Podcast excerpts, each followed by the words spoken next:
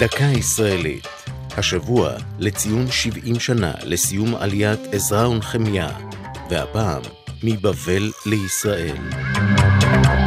ב-1948 חיו בעיראק יותר מ-135 אלף יהודים. על פי המסורת, היה מקורם באנשי ממלכת יהודה, שהגלה נבוכדנצר, מלך בבל. במשך מאות שנים קיימו שם היהודים מרכז מפואר, שבו נכתב התלמוד הבבלי.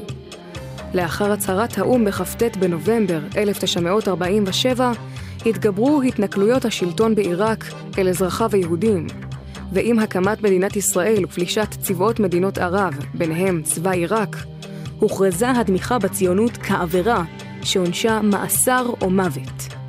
שליחי המוסד לעלייה ב' פעלו מול השלטון בבגדד להנפקת השערות שתאפשרנה ליהודים לעלות ארצה.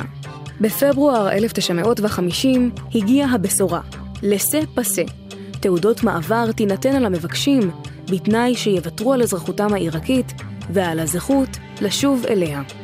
ב-19 במאי 50 כבר יצא מטוס הנוסעים הראשון מבגדד אל נמל התעופה בלוד.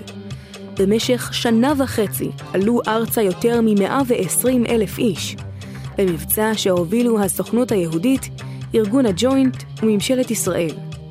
בסופו הועתקה יהדות בבל ארצה.